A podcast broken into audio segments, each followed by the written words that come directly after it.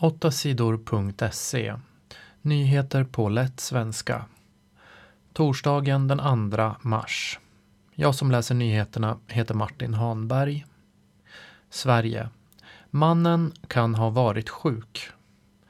I måndags blev två poliser attackerade i Norrköping. Det hände utanför polisernas hus. Det var en man som attackerade med en kniv. En polis blev lite skadad. En polis blev mycket skadad, men kommer att klara sig. Mannen som attackerade är ungefär 60 år.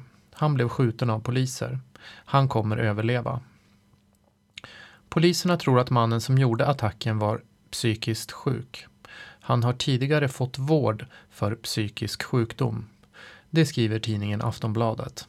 Åtta sidor. Nytt förslag om assistans. Personer med funktionsnedsättningar kan få hjälp.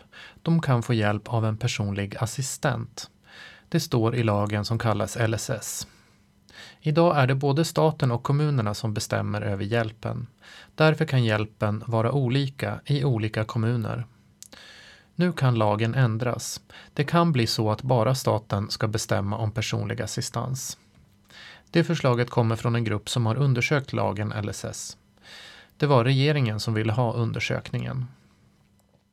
Om staten bestämmer blir det mer rättvist, står det i förslaget.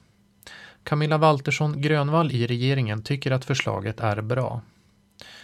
Föreningar för personer med funktionsnedsättningar tycker också att förslaget är bra. Vi har länge sagt att staten ska bestämma.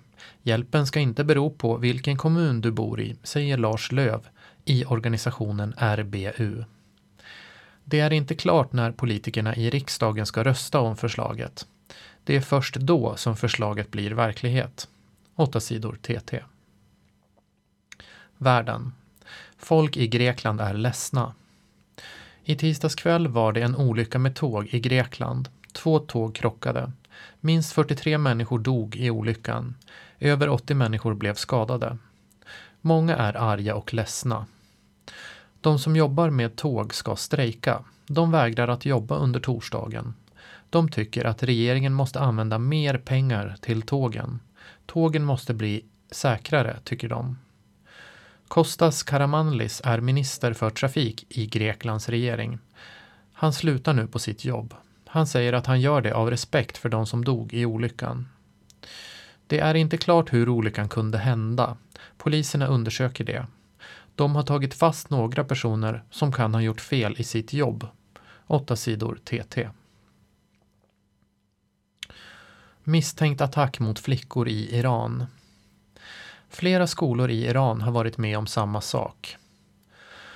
Över hundra flickor i skolorna har plötsligt känt sig sjuka. De har fått ont i huvudet. Deras hjärtan har slagit extra fort. Flera har sagt att de har känt en stark lukt i klassrummet. En del har hamnat på sjukhus.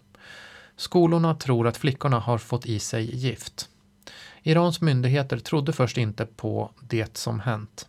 Men när allt fler skolor berättade om flickorna ändrade sig myndigheterna. Nu ska en åklagare undersöka vad som har hänt. Ingen vet vem som förgiftat flickorna, men många är rädda att någon vill straffa flickor för att de går i skolan. Nu vågar många föräldrar inte låta sina döttrar gå till skolorna. Det blir allt svårare att veta vad som händer i Iran. De som protesterar mot landets ledare blir straffade. Många journalister i landet har blivit fängslade. Attacker mot kvinnor har hänt förut i Iran. Kvinnor blev då attackerade med stark syra i ansiktet. Många tror att det var en grupp mycket religiösa män som gjorde de attackerna. 8 sidor TT. Vardags. Vår på flera platser. Den 15 februari är datumet som det tidigast går att säga att det är vår i Sverige. Det har experter på väder bestämt. Dessutom måste det vara mellan 0 och 10 grader i minst en vecka. Då har våren kommit, säger experterna. Den 15 februari i år hade det redan blivit vår på flera platser i södra Sverige. På vissa platser hade det varit över 10 grader varmt. Årets februari har varit extra varm, både i södra och norra Sverige. Nu är det mars. Våren har kommit till ännu fler platser. Det är vår på Gotland och Öland till exempel. Våren kommer allt tidigare i Sverige.